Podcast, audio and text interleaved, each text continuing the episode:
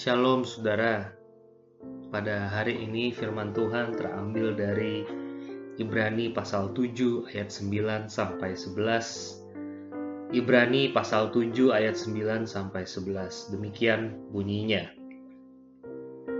Maka dapatlah dikatakan bahwa dengan perantaran Abraham dipungut juga persepuluhan dari Lewi yang berhak menerima persepuluhan sebab ia masih berada dalam tubuh bapa leluhurnya.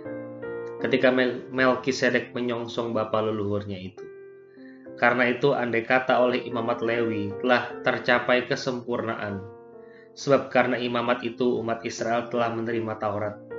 Apakah sebabnya masih perlu seorang lain ditetapkan menjadi imam besar menurut peraturan Melkisedek? Dan yang tentang dia tidak dikatakan menurut peraturan Harun. Sampai di sini pembacaan firman Tuhan. Ada dua hal yang saya renungkan dari ayat renungan pada hari ini. Pertama, setiap orang wajib memberikan perpuluhan kepada Tuhan.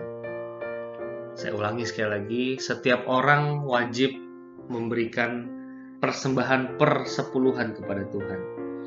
Bahkan kalau kita baca ayat ini dengan lebih detail di bagian ya, ayat 1 sampai 8 termasuk orang Lewi yang berhak menerima persepuluhan wajib memberikan persepuluhan. Mengapa begitu?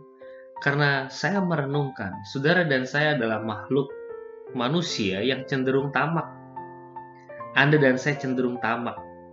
Setiap kita mendapatkan salary atau mendapatkan profit atau mendapatkan bonus atau komisi maka kita cenderung mau memakainya untuk kepentingan pribadi kita. Bagi saya, disiplin persepuluhan kembali mengingatkan kita bahwa segala sesuatu yang kita terima, sekecil apa pun, harus dipersembahkan kepada Tuhan minimal 10%. Kita harus sadar bahwa masih ada Tuhan yang kepadanya kita menyembah.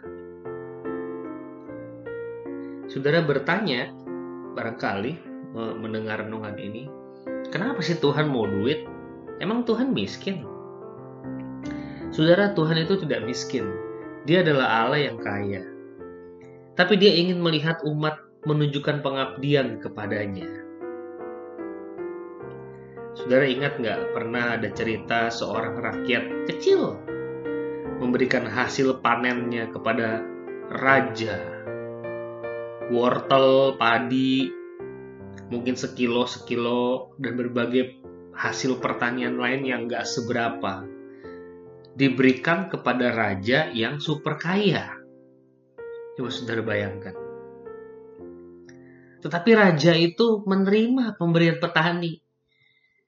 Bukan karena raja itu nggak punya wortel padi, kurang-kurang sekilo.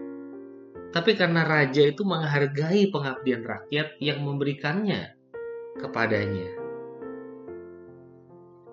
Itulah sebab uang yang saudara berikan ke gereja itu tidak pernah disebut sebagai sumbangan. Sumbangan adalah bagi orang yang tidak mampu. Sementara persembahan adalah bagi Allah yang kaya, yang mampu memberkati kita. Mari kita renungkan poin ini, saudara. Yang kedua, yang terakhir dari ayat ini, saya merasa kembali sebuah doktrin yang penting dikumandangkan di ayat ini. Karya keselamatan Yesus Kristus sebagai imam besar adalah sebuah karya keselamatan yang sempurna. Cukup satu kali saja ia mempersembahkan diri, maka pengorbanannya menjadi kurban cukup untuk menyelamatkan umat manusia.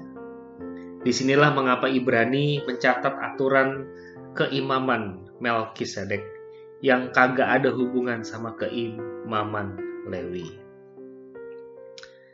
Saudara mungkin di dalam pandemi ini saudara banyak sekali berbuat dosa. Entah terhadap pasangan, terhadap anak saudara, mungkin saudara terhadap orang tua saudara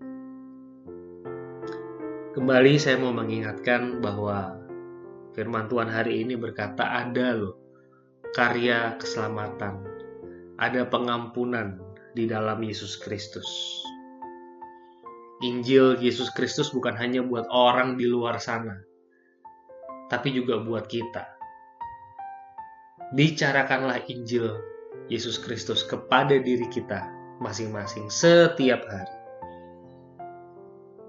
Karena kita juga berbuat dosa dan membutuhkan pengampunan Allah setiap hari. Semoga kasih karunia yang Allah berikan ini justru memotivasi kita untuk hidup makin kudus di hadapannya. Bukan sebuah celah untuk kita terus-menerus berbuat dosa.